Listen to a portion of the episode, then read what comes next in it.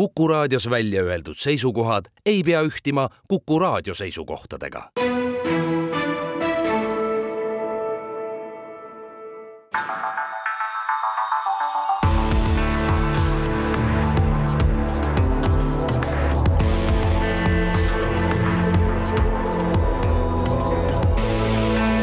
olukorrast ajakirjanduses tere kuulama saadet Olukorrast ajakirjanduses. võib-olla nimetatakse, et olukorrast paberajakirjanduses seda pakkuva kõik meie plaanid, põhjalikult kaks päeva tehtud eeltöö lendas korstnasse, vaatamata külmale ilmale, mis väljas valitseb, on Eesti elu ikkagi väga dünaamiline.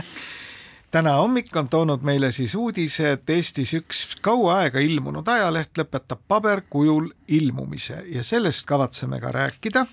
kavatseme veel rääkida kindlasti president Zelenskõi äh, visiidi kajastamisest ajakirjanduses ja targutada selle üle, kas eestikeelset meediat ja ajakirjandust eelkõige on liiga palju, parasjagu või hoopiski liiga vähe.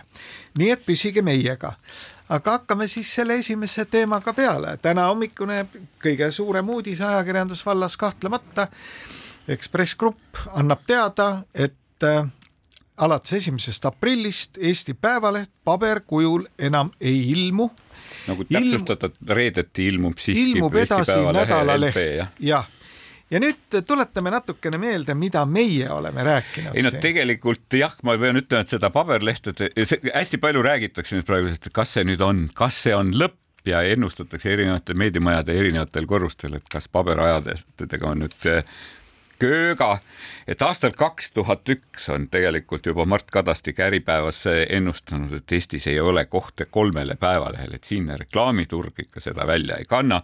see oli kakskümmend, sisuliselt kakskümmend kolm, kakskümmend neli aastat tagasi. Aast, aastal kaks tuhat üheksa, kaks tuhat kümme on neid ennustusi tegelikult oluliselt kohe kindlustatud ja korratud sellega, et paberlehtede ilmumise tulevik sõltub sellest, et kas, kas ja kui kaua peavad vastu meie trükikojad ja kas meil jätkub varuosi ja nii edasi ja nii edasi selle kohta.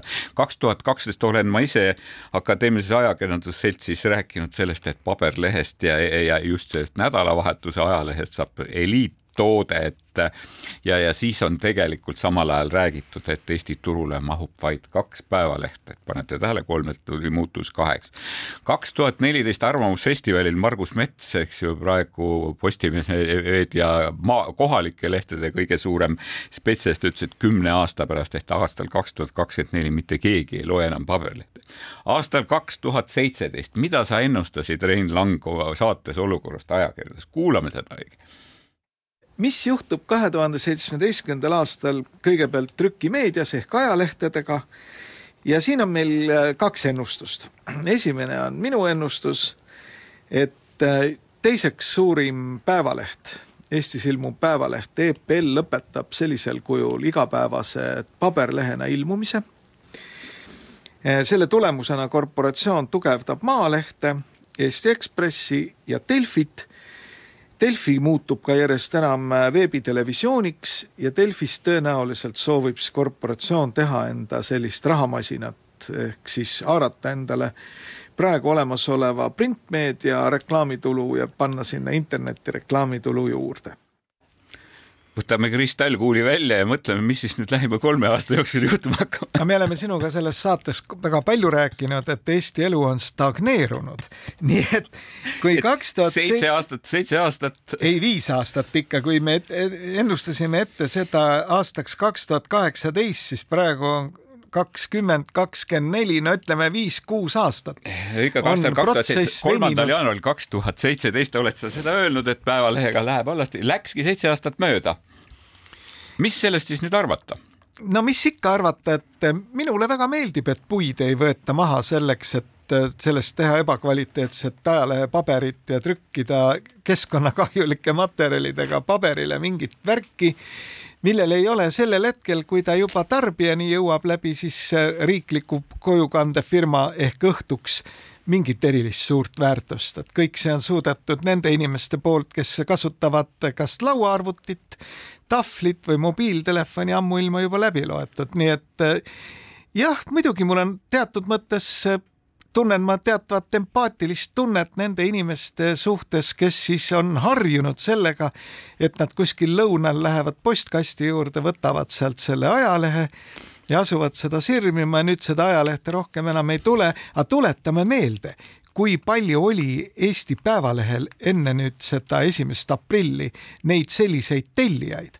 Neid oli, kui ma nüüd õigesti mäletan no,, kuskil kaheksa tuhande tiraaž, detsembrikuu tiraažide kohta tuli number kaheksa tuhat tellijat ja, ja noh, et, et kas sellega on, saabub mingisugune kaos, ei oska ma ütelda, et ma ise olen öelnud kõigile, et rahu, rahu, et ajakirjandus ei kao mitte kusagile seoses sellega, et paberlehed kas tõmbavad oma ilmumisi kokku või, või nad ka lõpetavad ilmumise, et nad lihtsalt liiguvad ühelt platvormilt teisele, et ja teinekord on vaja tegelikult ka meie sellel kas meediakasutajal või ka mingisuguse kanali või tehnilise vahendi kasutajal on vaja nagu teatavat nügimist. mäletame, kui me läksime üle UKV-lt FM raadiole, eks ju, tegelikult siis see tundus ka, et on maailma lõpp, eks ju, sellepärast et eh, nüüd jäävad inimesed, kui me lõpetame selle nõukogudeaegse UKV süsteemi ära, eks ju, inimesed jäävad ilma raadiota. järgmine hetk ma mäletan, kui kas, kas Jüri Pihel oli see, kes juhtis meil digiüleminekut, digitelevisioonile üleminekut. rahvavaenlane. rahvavaenlane number üks, sellepärast et tema on see, kes võtab Eesti rahvalt ära televisiooni. tulemuseks oli tegelikult kvaliteetsema pildiga televisioon, tõepoolest need leviprobleemid lahendati ära, tõepoolest me pidime vahepeal ostma mingisuguseid tüütuid karbikesi, mis väga paljudes kodudes praegu tolmu koguvad. Aga me saime juurde telekanaleid, eks ju, me saime juurde võimalusi, eks ju.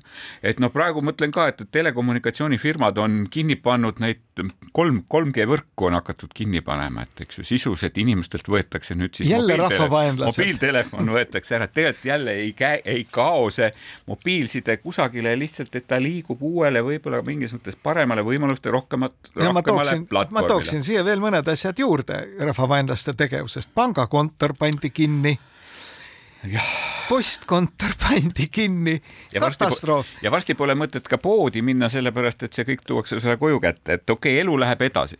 no see on nüüd nagu see, et me võiksime mesisuise jutuga tegelikult rääkida mustavalgeks, eks ju, ja ja suure õnnetuse võiksime rääkida nagu suureks õnnetundeks, aga on ju tegelikult sellel asjal ka negatiivseid külgi, sellepärast et, et üht, ühtpidi väheneb selle nagu ajakirjanduse mitmekesisus tõepoolest. Väheneb nagu just paberajakirjandusele on omane teatav niisugune läbimõeldus, mõtestatus, eks ju. Eh, okei okay,, paberajakirjandus juba aastaid ei ole uudiste edastamise kanal, eks ju, tõepoolest, et uudised on selleks ajaks, kui see mets on maha võetud, see mets on jooksnud ajalehe paberina masinavaltside vahelt läbi ja kuni ükskord need eh, lehekandjad on selle sinu postkasti jõudnud, et uudis on ammu vana, aga aga niisugune erinevate vaadete edastamiseks, võib-olla nagu kultuuri arutelude edastamiseks väga okei okay kanal ja, ja palju kan parem kanal kui niisugune mosaiikne eh, digitaalne meedia. et, et kas me jääme sellest nüüd päris ilma?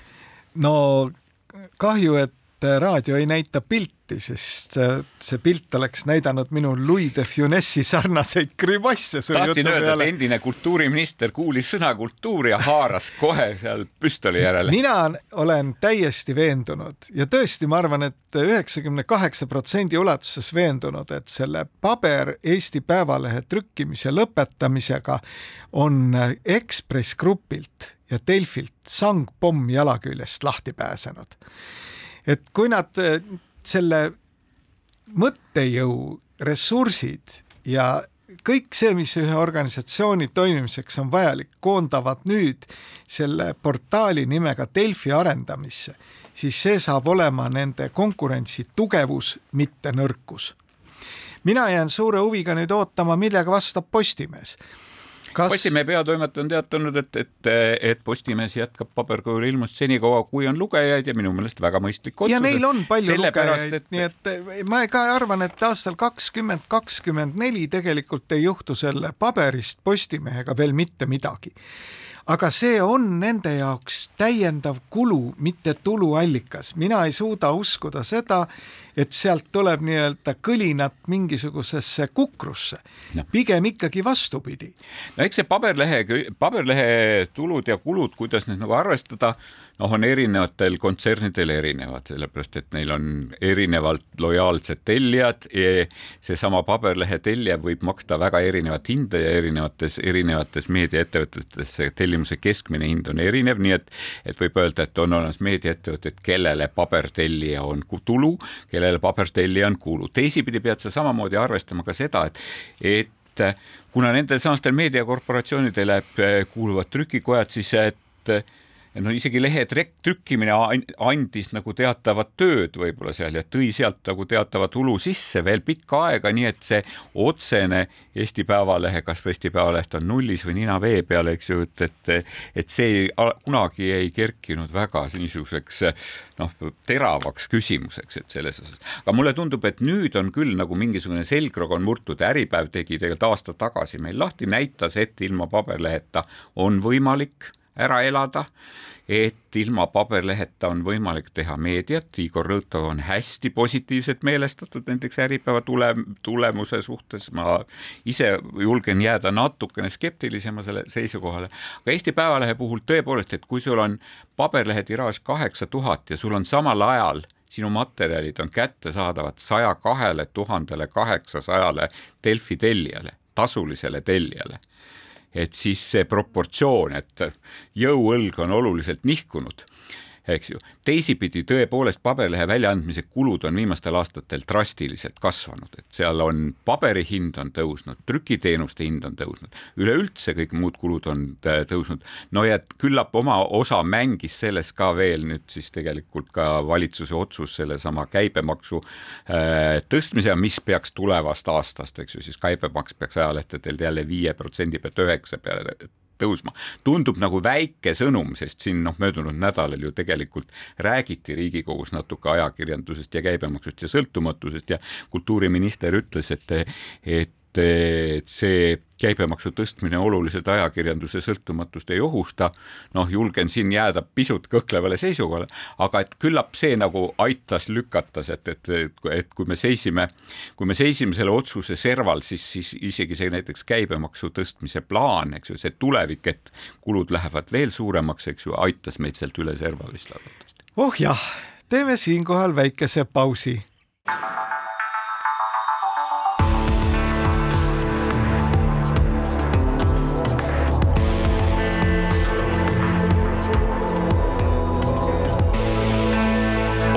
olukorrast ajakirjanduses. vanamehed viinavabriku kõrvalt Rein Lang ja Väino Koorberg konstateerivad, et viinavabrik töötab ja trükikoda varsti võib-olla enam ei tööta, sest ei ole vaja trükkida Eesti Päevalehte. Aga ma tahaks hoopiski tulla nüüd selle äh, teema juurde, mida sa ettevaatlikult puudutasid, ehk milline on see riigi roll nüüd sõltumatu ajakirjanduse abistamisel, toetamisel, mida iganes.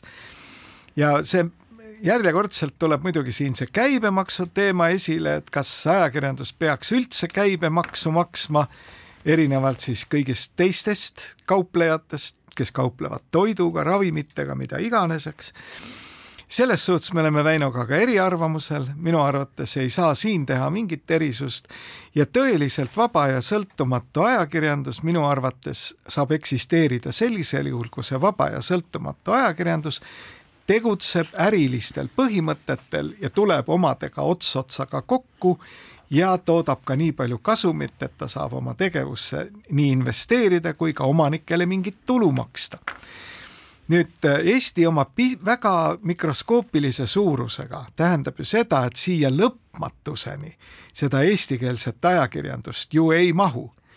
aga teinekord jääb mulje, et kõikvõimalikud tootjad olgu need kasvõi üksiküritajad mingite influencerite, blogijate ja kõige teiste selliste uute nähtuste näol, arvavad, et Eesti elanikkond on vähemalt viis miljonit eesti keelt kõnelevat inimest no, Rein, no ei ole. Rein, sa, sa väga laia pintsliga hakkad seda äh, maastikku joonistama, kui sa paned influencer'id sinna ajakirjandusmaastiku peale ühtepidi, et, et tõepoolest, et kui nüüd nagu sinu ideaalmaailmas tõepoolest ajakirjandust saab ise hakkama ja hästi hakkama saav ajakirjandus on tõepoolest sõltumatu, on äh, iseseisev, on isepäine, julgeb esitada julgeid küsimusi ja nii edasi ja nii edasi.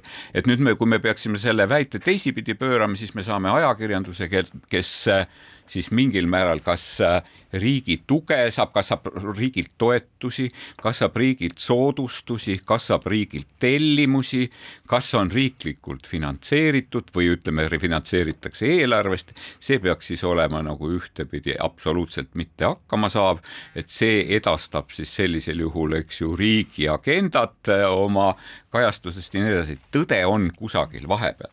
ühtepidi see, et riik korraldab näiteks sedasama kojukannet ja püüab seda kojukannet teha kättesaadavaks inimestele, et see ei ole mingil määral, ma ütleks, et see ei ole ajakirjanduse toetamine, see on regionaalpoliitiline meede, eks ju. jah, aga see on, on ebaõnnestunud, palun vabandust. no see on, see on selles mõttes ebaõnnestunud, aga, aga ütleme niimoodi, et, et mina pööraks selle väite teisipidi, ma ütleks tänu sellele, et meil on olemas ajakirjanduse kojukande, on meil ka võib-olla veel po riiklik postiteenus mingis mõttes olemas, võib-olla selle olemasolu vajalikkust oleks pidanud kaaluma tükk aega tagasi siis, et kas kas meil üldse on vaja mõne, mõne üksiku postipaki või mõne, mõne jõulukaardi pärast pidada postiasutust üleval, eks ju, me võiks sama drastiliselt seda asja.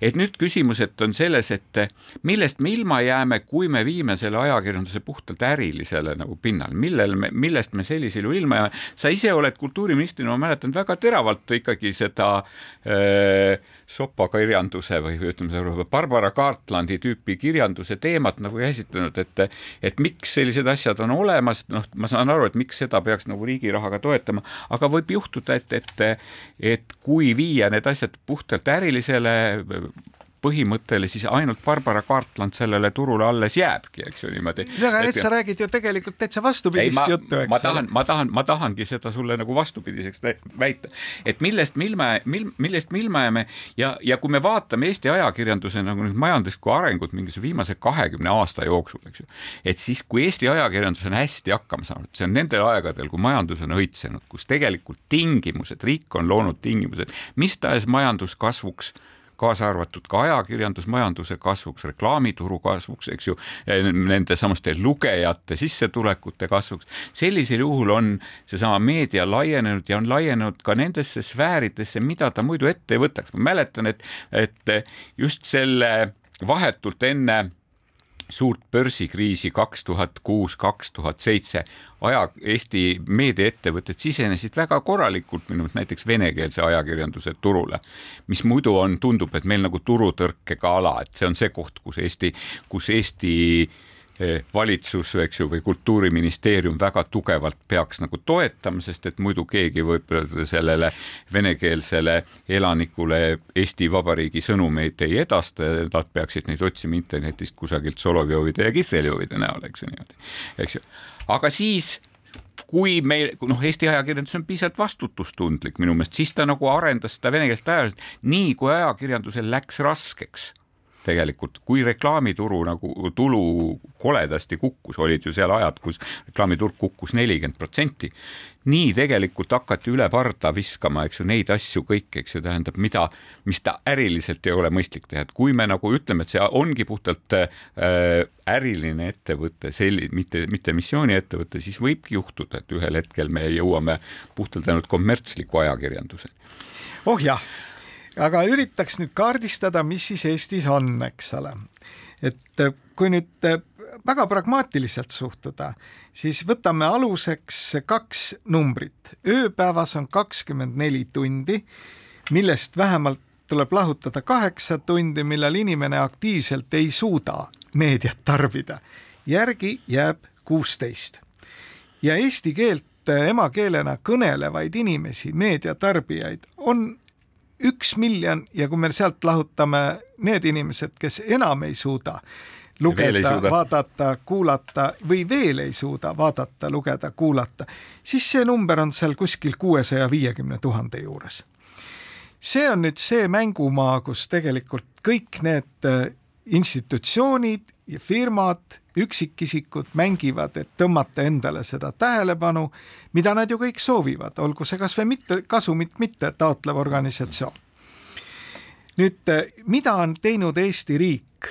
Eesti riik eh, peab üleval avalik-õiguslikku Eesti Rahvusringhäälingut, millel muide seaduse järgi ei ole mingisuguseid eh, seadusest tulenevaid piiranguid oma toodete arendamisel seal on täna kolm lineaarset telekanalit, viis raadiokanalit ja veel ridamisi veebitooteid. seadusesse on mingi miinimumkanalite arv küll sisse kirjutatud. ja neid tuleb, no ütleme, me oleme mitu korda rääkinud, kuidasmoodi järjekordse kataklüsmi jooksul tuleb kellelgi geniaalne mõte poliitilisest ringkonnast, et teeme ühe telekanali juurde, paneme selle venekeelseks ja siis õnn tuleb meie õuele. noh, kolme aasta pärast selgub, et seda keegi ei suuda toota ja siis tuleb järgmine jama, siis tehakse neljas telekanal. See on väga suur organisatsioon, mis tegelikult nüüd tõmbab siit turult ära väga suure osa seda aega ja väga suure osa neid inimesi, kes on siis meediatarbijad. Eesti riik ei piirdu ju sellega. Eesti riik lisaks sellele peab üleval tervet sihtasutust Kultuurileht, millel on minu teada praegu vist üheksa väljaannet enamus muide neist ilmub ka paberil, ainult mõni ei ilmu paberil. nüüd sedasama Sirpi ju trükitakse kuskil kolm tuhat eksemplari ja valdavalt on need tellijad, on needsamad asutused, riigiasutused ja raamatukogud kuhu ta siis läheb. no selle üle võib nüüd vaielda, kas selle peaks nagu päevapealt kinni panema või mitte, võib-olla isegi ei peaks aga nüüd see, et riik sekkub ka kultuuriajakirjanduses nii aktiivselt sellele turule, et ta kägistab tegelikult teised kõik kinni, see on nüüd minu arvates mitte lahendus, vaid probleem. nüüd ja nüüd käib pidev jutlus, jutt selle ümber, et kas ajakirjandus, nüüd ärilisel alusel toimiv ajakirjandus, kas temal peaks olema lihtsam see toimetada ja ellu jääda, juhul kui riik eelarvest täiendavalt siis igaühe käest võtab solidaarselt paar eurot, eks ole, ja paneb sellesse potti.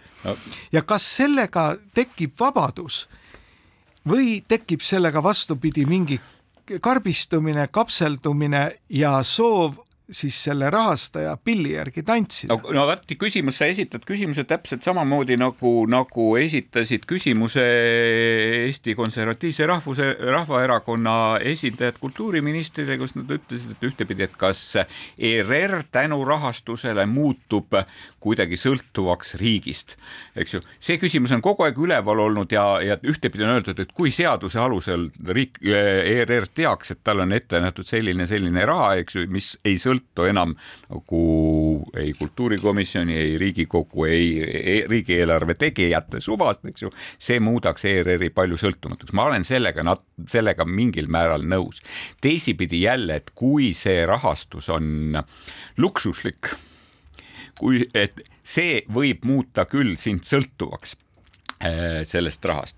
nüüd on küsimus, et kas erameedia muutub sõltuvaks nendest üksikutest väikestest toetustest mida tegelikult riik siit aeg-ajalt, eks ju, niimoodi poetab. noh, me võime loetleda neid üle, tõepoolest, et kui me võtame, et meedia toet- või et meediat, erameediat toetatakse selle kojukande toetusega, et see ei ole meediaettevõtetele toetus, see sisuliselt on ikkagi toetus omaenda rahvuslikule postiettevõttele, eks ju, ja omaenda piirkondadele, see selleks. nii, kas muutuvad sõltuvaks e, e, eraettevõtete väljaantavad venekeelsed kanalid tänu sellele, et Kultuuriministeerium on otsustanud praeguses keerulises poliitilises olukorras e, toetada just venekeelse meedia tegemist ma ei oska, ma ei julge seda öelda, et sellepärast, et see küsimus on nüüd nüüd ajakirjandusjuhtidele ja selle küsimuse püstitamine väga mustvalgelt eeldaks seda, et me ei usalda oma ajakirjandust ja me ei usalda oma ajakirjanduse juhte. ja Mina... siinkohal teeme väikese pausi.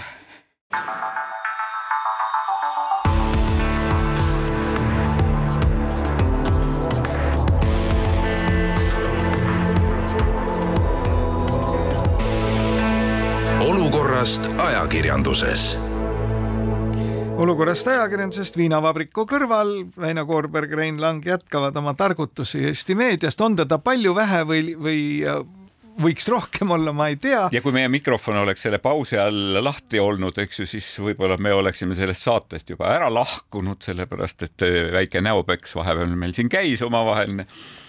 Et.... ja, aga me, me räägime sellest, kas need kõikvõimalikud riiklikud toetused mida ajakirjandus on siit-sealt ikkagi nagu hirmsasti promonud, et me oleme väike turg, eesti keelt kõnelevaid inimesi on ikka väga vähe, et riik peaks kuidagimoodi nendele äriettevõtetele, kes teevad meediat, kuidagi appi tulema, neid täiendavalt toetama, olgu see siis mingite maksusoodustustega või sularahaga kassast välja.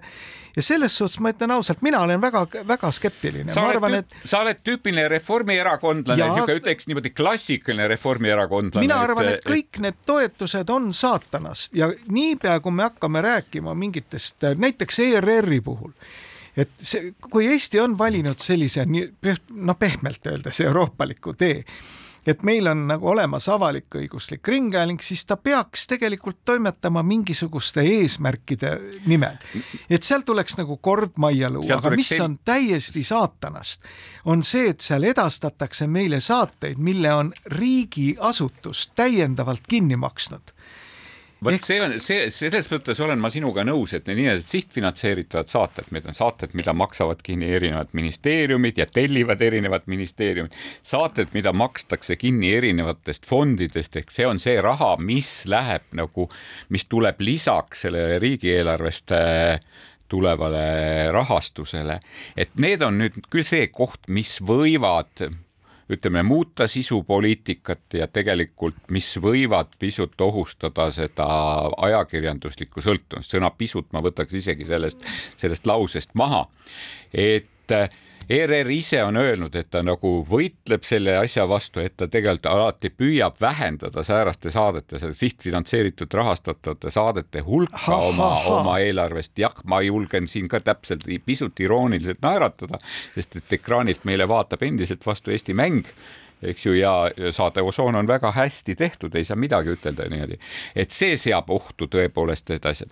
ohtu ajakirjandusele võiks, võiksid, ajakirjanduse vabadusel võiksid tegelikult äh, kujutada ka mingisugused riiklikud või, või no riigiasutuste või, või, või ministeeriumite suured reklaamihanked, mida su suunatakse kuidagi kas mitte läbipaistvalt, eks ju, tähendab, kas omadele või millega lisanduvad mingid teatavad sisutingimused. see on see hetk, et kus ja kui see raha on piisavalt suur, eks ju, ja kus selgub, et riik reklaamiklient, reklaamiandjana on juba piisavalt oluline strateegiline klient, et see võiks ajakirjandust mingil määral sõltuvusse seada, et me oleme näinud see, sääraseid arenguid tegelikult ja oleme näinud Ungaris, Tšehhis, Poolas, eks ju, selles osas, et, et see on minu meelest üks selline, selli-, selliseid kohti. et aga, aga, aga, aga, et kas nüüd nagu ajakirjandus peaks ainult iseendast hakkama saama, ma ei tea, mulle nagu tundub, et kui meil, meie sedasama ajakirjandusvabadust äh, mõõdetakse, siis tegelikult Eesti puhul tuha, tuuakse esile just see, et, et Eesti eh, probleemina, et Eesti ajakirjandus on väga tugevalt kontsentreeritud, et ta on tegelikult koondunud üksikute eh, suurte ettevõtete kätte, et tegelikult mitmekesisus erinevate vaadete, erinevate väljaannete, erinevate ajakirjandusorganisatsioonide olemasolu tegelikult on väärtus iseenesest, sest see nagu pakub meile võimalust diskussiooniks erinevate vaadete levitamiseks. ja, ja, ja häda on selles, et esimesena turumajanduslikus niisuguses suures võitluses, suured jäävad ellu, väikesed saavad tõmbavad saba jalga vahele ja panevad oma ärid kokku ja, ja, ja mulle tundub see, et, et kui riik ütleb, et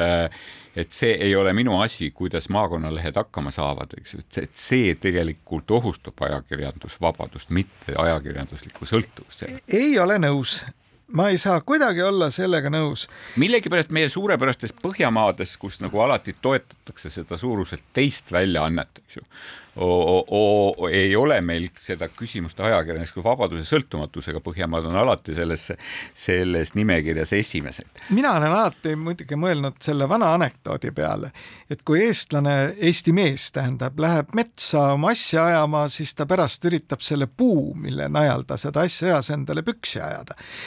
et see see arusaam, et me peaksime käituma nii nagu Rootsi, kus on kümme miljonit elanikku ja nad kõnelevad muide kõik rootsi keelt. või siis Norra, kus on viis miljonit elanikku ja kõik kõnelevad Norra dialekti, eks ole. või Soome, kus on üle viie miljoni elanikku ja ka kõik räägivad soome keelt. ja meil on alla ühe miljoni elanikku, kes kõnelevad eesti keelt et need on nagu võrdsed ja me peaksime need mallid kõik üks-üheselt tooma nagu äh, meie ühiskonda. et see lihtsalt lõpuni ei tööta. nüüd selle meedia kontsentratsiooni osas ma arvan, et need, kes sinna raportisse selle kirjutasid, et Eestis on see kontsentreerumine nagu liiga suur, teavad ju suurepäraselt, et tegelikult on tegemist kolme väga suure, omavahel üsna kiskleva meediamajaga. üks on see rahvuslik ringhääling, Eesti Rahvusringhääling, siis Ekspressi kontsern ehk Eesti Meedia ja, ja või, või Delfi ja teine siis Postimees Grupp, eks, ja kolmas Postimees Grupp, kolm.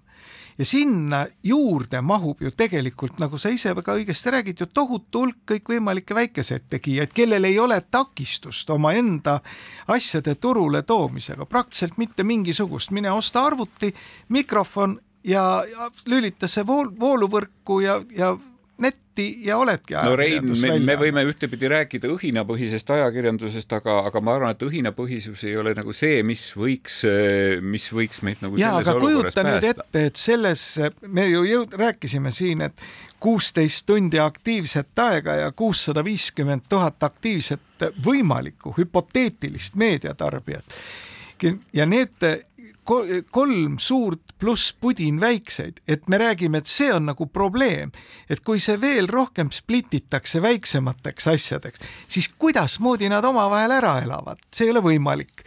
Nüüd, kui riik peaks tegemagi mingisuguse aktsiooni, lugedes seda uskumatult toht-, toredat paberit, et meil on kontsentratsioon, on probleem ja Konkurentsiamet tegelikult saab ju seaduse järgi ütelda, et ei ole midagi, et koondumine stopp vastupidi, et peate hakkama oma firmasid siin tükkideks raiuma, eks ole. ja siis tekib see olukord, kus nad ei ela enam ära järelikult kõik tulevad üksmeelselt kokku sinnasamasse meedialiidu laua taha ja ütlevad, et riik peab nüüd meid hakkama toetama mingite ei no jaa, Rein, Rein, me ühtepidi räägime, need suured kontsernid eh, ühtpidi, ma saan aru, et eks näiteks ka Postimehe kontsern ei ole tegelikult ju veel siiamaani nagu nina ametlikult vee peale eh, saanud, eks ju, ja ta tegelikult elab vanast rasvast, eks ju, ütleksin ma, eh, tuletades, viidates siis mõni aasta tagasi Postimehe peatoimetaja eh, aruandes lugejale tehtud viitele sellest, et, et omaaegne kuulutuste portaalide müügist saadud raha võimaldab Postimehel nagu edukalt tulevikule vastu vaadata, eks ju, selles osas, aga, aga kui me nüüd nagu mõtleme selle, et, et, et nad tegutsevad, nende põhiturud on, eks ju, seal, kus on põhiline raha, et eks ju, et kui seal, et kes hakkab tegutsema siis sellel äärealal ja nüüd on nagu küsimus, et sellel äärealal, kus raha ei ole, kes hakkab tegutsema tõepoolest sellest samast, et, et kui me ütleme, et me tegutseme kommertsalustel, miks me peaksime siis tõepoolest, eks ju, muretsema selle pärast, et meil on mingid venelased, vene, mingi venekeelse meediaga, vaadake oma Kisseljovi edasi, selgub, et, et, et lisaks ärilisele ülesandele on ajakirjandusel mitmesugused muud äh, ja, ülesanded. ja siis teeme nii, et äh, satume paanikasse teeme Rahvusringhäälingu juurde ühe venekeelse kanali, teeme talle eeliseid kõikvõimalikul kombel, jätame sellest toetusest ilma erakontserni, eks ole, kes ka on, üritab pusida oma venekeelse kanaliga mis siis, mis seal head on? no aga küsimus ongi selles, et kas meil on kusagil olemas mingisugune nagu laiem meedia arengu nagu vaade või meediapoliitika mingis mõttes, et kuhu, kuhu peale oleks joonistatud, eks ju ka no need väiksemad asjad, kus me oleksime arutanud, millist meediat on meil tarvis tõepoolest selleks, et ühiskond oleks sidus, et millised grupid ei ole meediaga kaetud, millised grupid ei, milliste gruppideni ei jõua ajakirjandus või milliste gruppideni ei jõua kvaliteetne informatsioon, sest see on nagu palju suurem probleem probleem vist minu meelest ja no see on see koht, et kus noh, kus riik peaks vaatama, et, et kus ajakirjandus on talle tegelikult väärtuslik partner sellise kvaliteetse informatsiooni loomisel ja toimetamisel, sest sellel ajal, kui samal ajal, kui nagu siin turul tegutsevad needsamased globaalsed partnerid, eks ju, kellele on tehtud nagu ülemaailmsed väga soodsad tingimused, eks ju, kelle maksuraha vastu meie huvi ei tunne, nad tulevad, võistlevad ja konkureerivad meie enda nende Eesti ettevõtetega, eks ju, niimoodi, riik vaatab seda pealt. Aga ma soovitan nüüd mitte minna libedale, et selliseid geniaalseid mõtteid on Eesti erinevate poliitikute ja riigiametnike peades ringelnud küll ja küll. No,, kes möödun... siis saavad aru, et see on probleem ja üritavad neid rahvusvahelisi suuri Ameerika ettevõtteid hakata takistama nende tegevuses ütlemegi nii, et noh, meil on siin probleem no,, eks ole. me, me ei räägi takistamisest praegu, aga me räägime näiteks tõepoolest sellest võrdsete tingimuste loomisest, näiteks seesama aja, ajakirjanduse käibemaksu küsimus ongi see, et seni, kuni riik ei ole suutnud Google'iga ära klaarida seda, et, et Google maksaks Euroopa turul normaalseid makse ja et sest noh, olgem ausad, tema meie nagu kodanike taskust raha kasvõi reklaamirahana viib välja ja, ja sellises koguses, et, meil ei ole sellest nagu mingit ettekujutust. ma muidugi üritaks natukene kuni... täpsustada sind, et selle, selle vastukaaluks see, on selle... Google sadadele tuhandetele eestlastele võimaldanud sisuliselt täiesti tasuta kasutada oma kõikvõimalikke ägedaid vidinaid. väga hea, eks ju, tähendab selles mõttes ta on pakkunud hiirelõksu väga palju toredat tasuta juustu, et, et, et ühes sellega on Google toonud, pane tähele, on Google sinu telefoni toonud ka selle Eesti NFI, eks ju, kes sulle tassib ette Vene propagandat, eks ju niimoodi. ja selle häda, et, et Rein Langi jälle õigele nagu rajale tagasi saada, selle tööga peab tegelema Eesti ajakirjandus, võib-olla ka Soome ajakirjandus eks ju, tähendab seda tööd ei võta Google endale. väike paus, väike paus, väike paus.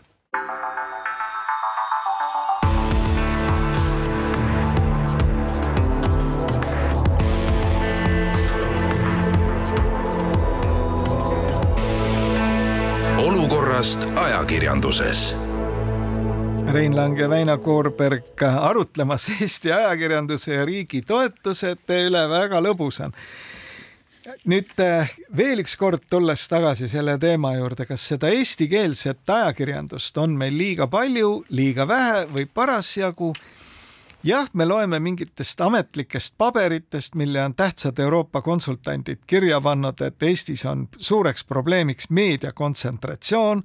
mina julgen väita, et see on täielik jama mingit niisugust äh, kriitilist momenti, et meil oleks koonduks informatsiooni edastamine mingi ühe grupi kätte, tegelikult ei ole olemas. no ajakirjandus ei ole üksnes ja tõepoolest ainult informatsiooni edastamine või uudiste edastamine, noh, selles mõttes see on ka nagu erinevad arvamusplatsid, noh, Postimehe peatoimetaja Brit Hõbemägi just nagu selle seoses Eesti Päevalehe eh, paberlehe lõpetamisega küllaltki, ma ei, mulle tundub siiski, et negatiivse tendentsina märkis seda, et, et arvamuste plats tõmbub koomale, et eks ju, ta liigub, see, et, see, et arvamuste plats ongi liikunud sotsiaalmeediasse, kus, kus paratamatult, eks ju, võimendatakse niisuguseid äärmuslikke vaateid ja kus seda keskpõrandal nagu üks ühise, ühise otsimist või konsensuse otsimist nagu vähe tehakse. no huvitav, kuidas seda... küll nüüd saab selle, sellist paralleeli tõmmata, et kaob ära paberleht, kus tõepoolest on paar lehekülge eraldatud mingite arvamuslugude ilmumiseks ja kui nüüd see ära kaob, ei kao ju ära kõikvõimalikud muud võimalused neid arvamuslugusid kirjutada palju operatiivsemalt, palju väiksemate kuludega. see ainult eeldab ühte asja, et see meediatarbija või ajakirjanduse tarbija võtab ise ka natuke jalad kõhu alt välja ja õpib selgeks mingisuguse mobiiltelefoni äpi kasutamise no,. see on... telefon suure tõenäosusega on tal juba taskus, aga see harjumus minna jah, hommikul postkasti juurde pettuda, et ajaleht ei ole saabunud, minna siis keskpäeval uuesti, ennäe tuli ja asuda seda sirvima. ei, küllap sa iseennast kirjeldadki selles mõttes, sest ma tean, et sina oled paber- ja digiajakirjanduse tarbija, mina olen paberajakirjandusest nagu tükk aega juba eemal. ja ma tunnistan oma laiskust, aga mul on tegelikult hea ma, meel, et ma ei tundub, pea et... enam seda Eesti Päevalehte, seda paberi peal lugema. tegemist ei ole laiskusega, tegemist on ikkagi mingisuguse asjaga, on inimesed, kes loevad hea meelega raamatuid tahvlist ja on inimesed, kes seda mitte kunagi ei tee, eks ju, on inimesed, kes võtavad randa kaasa lugeri, on inimesed, kes võtavad võtad randa kaasa Barbara kartuni sopaka paberkujul, eks ju niimoodi, et, et selles on, selles on midagi teistsugust ja, ja ütleme sellest paberilt mustvalgena ära trükitud arvamusest tundub ka noh, see tundub, on ilu, valu ja õudu. on ka neid inimesi, kes unistavad sellest võimalusest võtta Tallinna Raekoja platsis voorimees ja öelda talle oma kodune aadress. olgem ausad, et ma arvan, et Soome turistide hulgas, eks ju, Soome, Soome turistide hulgas, eks ju, leiab selliseid kindlasti ja nad seda ka teevad, tõepoolest seda ei peaks riik riik tegema. nüüd lihtsalt, et kas küsimus on, kas riik peaks muret tundma selle pärast, et kas tõepoolest kvaliteetne informatsioon jõuab tema kodanikeni ja kas see jõuab tema kodanikeni ajakirjanduslikest standarditest lähtuvate organisatsioonide kaudu, eks ju niimoodi, kodumaiste ajakirjandusstandarditest lähtuvate organisatsioonide kaudu või tuleks neile edaspidi nagu olulisi strateegilisi sõnumeid, eks ju, e-, edastada näiteks Hiina päritolu ja põhiliselt tantsu, väikeste tantsuvideo videoklippide eh, levitamisega tegeleda TikToki kaudu. me möödunud nädalal nägime seda, kui, kui Rootsi kõrged ametnikud hakkasid Rootsi ühiskonda ette valmistama selleks, et, et sõda võib tulla meie õuele, et, et, et armsad rootslased, mõelge, et, et Rootsi ei pruugi ka sellest sõjast kõrvale jääda, olgem valmis, eks ju. siis selgus, et, et väga paljud noored Rootsi kodanikud, kes ajakirjandust üldse ei tarbi, küll aga tarbivad TikTok'i, said ütleks suure psühhotrauma ja riik nüüd praegu väga tõsiselt mõtleb, et kuidas seda psühhotraumat selles samas hiinlastele välja mõeldi, sest väikeste tantsuvideote abil, eks ju, kuidagi ravida, eks ju. et on väga keeruline, et jälle mulle tundub, et ikkagi noh, et ajakirjandus ei ole ikkagi puhtalt ainult vorstiäri nagu see on alati see ilus diskussiooni lõpetamise koht, eks ole, öeldakse, et ega ajakirjandus ei ole meil siin saapavabrik aga samas jällegi ma olen täiesti sada protsenti sinuga nõus, et see on nüüd riigi suur mure, et tegelikult see informatsioon, mis on vajalik inimestele oma igapäevase elu korraldamiseni, jõuaks moonutamata kujul nende inimesteni. et oleks kanalid on..., mis oleksid ka usaldusväärsed, seesama sellesama ajakirjanduse usaldusväärsuse küsimus, eks ju, mitte selle nagu õõnestamine on tegelikult riigi nagu aga siin on jätkuvuse küsimus. aga siin on nüüd poliitikutel erinevad vaated, ühed ütlevad niimoodi, et me tegelikult peame seda eraõigust avalik-õiguslikku meediat siin hakkama ohjama ja tagama seda, et vot meie riiklikud kanalid, need oleksid siin hästi-hästi kõik tehtud ja et nad oleksid konkurentsivõimelised nende erakanalitega. no meil tuleb Poola näide lõpuks võib-olla. et tegelikult ERR-i kogu filosoofia on pidev konkurents erakanalitega. ma kujutan ette, et hommikune koosolek nendel on, arutletakse selle üle, kuidas Kanal kahele ära panna, mitte see, kuidasmoodi tegelikult täita oma seadusest tulenevaid kohustusi nüüd teise käega tehakse ju ka seda, et ei, kultuuriajakirjandust mingil juhul äh, eraõiguslik meedia ju ei kajasta, ei ole võimalik.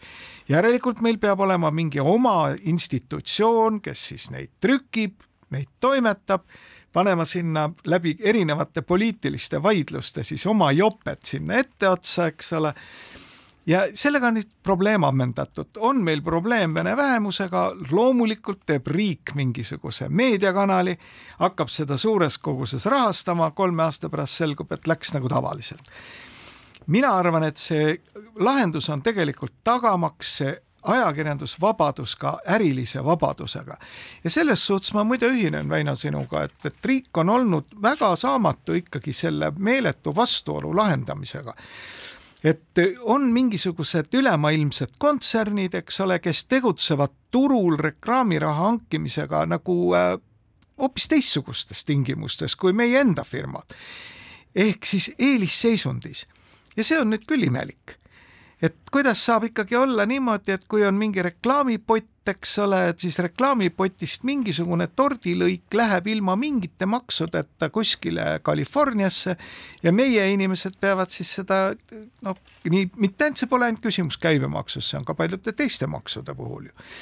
Et peavad nagu rohkem pingutama, et siis sellest torditükist suurem tükk endale saada nüüd eh, ma olen väga skeptiline just selles loogika osas, et hakkame neid ameeriklasi nüüd siis kuidagi takistama nende no, tegevuses. Nende takistamine, ma arvan, ei ole küsimus ja ei ole olnud Euroopa Liidus ka küsimus, et hakkame nagu püüame, püüame neid suruda samade reeglite alla, võib-olla on nagu see, või siis teeme nagu meie enda ettevõtetele sama vabad tingimused ja seesama käibemaksu erisus, mida, mida Euroopa Liit sisuliselt ikkagi võimaldab ka käibemaksu nulliks viia, ongi see, peakski kompenseerima seda nii Euroopa kui ka Eesti riigi saamatust. no ma arvan, et ega see käibemaksu nulli viimine on nüüd küll kõige äärmuslikum abinõu, eks ole, et me ju teame seda, et sellisel juhul hakkavad sinna nullkäibemaksumäära alla käima ju kõikvõimalikud niisugused asjad, mis ei ole selle ajakirjanduse informatsiooniga grammi eestki seotud. no jaa, aga see hirm, et eks ju kolm rikast saavad lastetoetustest veel rikkamaks, eks ju, tähendab, seepärast võtame lastetoetused kõigilt ära, ei ole ka ja, nagu. aga mine raamatupoodi, ei selles selles on väga, aga kui sa jälgid ka seda tänast poliitilist debatti, siis keegi ei ütle ju seda, et nendel, kellele on vaja toetust, et neid jäetakse toetustest ilma, pigem on ikkagi küsimus, et see lennukilt ühe, ühtlaselt raha külvamine lihtsalt ei ole meile taskukohane. Aga kui me võtame ka selle käibemaksu teema, noh et mine raamatupoodi ja vaata, et see lõviosa seal müüdavatest asjadest, noh mitte küll kruusid ja sallid, on väiksema käibemaksumääraga. kui palju sellest tegelikult teenib seda kultuurilist huvi? aga kui palju on seda toodet, eks ole, mis poogitakse nii-öelda selle kultuurilise dimensiooni alla. kunagi omal ajal suurt vaidlust tekitanud piletite käibemaks, ka see oli ju eelkõige tingitud sellest, et müüdi ju pileteid koos toitlustamisega asjadele, millel kultuuriga polnud mingisugust pistmist. no jaa, aga Barbara Kartlat maksab mitmetele kirjastustele ikkagi kinni ka selle kahju, mida nad teenivad kultuurikirjanduse väljaandmisega. jaa, kas see peaks tingimata olema Kultuuriministeeriumi mure, ma arvan, et Kultuuriministeeriumi esmane mure peaks olema see, et selle raha eest, mida eraldatakse riigi poolt väärtkirjanduse ostmiseks raamatukokku, et selle eest ei ostetaks Barbara Cartlandi. aga see on juba hoopiski teine teema. meil on, meil oleme, on hoopis suuremad kultuuriteemad on, on meie, meie hinge peal, sellepärast et me oleme jõudnud sisuliselt pühendus, pühenduslaulude ja pühendusluuletusteni, et meie tahtsime pühendada oma, oma tervituslaulu kellele? Eesti Muinsuskaitse Seltsile loomulikult kes on avastanud, et üheksandal märtsil Estonia teatris ei tohiks mitte kindlasti mängida muusikali kabaree, sellepärast et selline lõbus frivoolne eh, tingeltangel ei sobi mitte meie üldse. aga mida mängiti Estonias üheksandal märtsil tuhat üheksasada nelikümmend kolm? kratt Mati, ma mäletan, et oli, oli, oli see parajasti, et. ja vaat, kui ei oleks mängitud kratti, võib-olla Estonia oleks et püsti tahaks jäänud. meenutada tõepoolest seda, et muusikal Kabaree rääkis sellest, et kuidas sellesama toreda tingeltangeli varjus, eks ju, ilusate isamaaliste laulude varjus tõusis üles tõepoolest Hitler, tõusis üles fašism, tõusis üles ja viis endaga kaasa hästi palju inimesi, eks ju, kes kõik kooris laulsid aga täiesti rääkimata jäi teema Zelenski visiidi kajastamisest ajakirjanduses, ju ei olnud see oluline. ja mitmed puud jäävad püsti peale tänuseid, tänaseid uudiseid, nii et kohtume uuesti järgmisel esmaspäeval ja räägime edasi.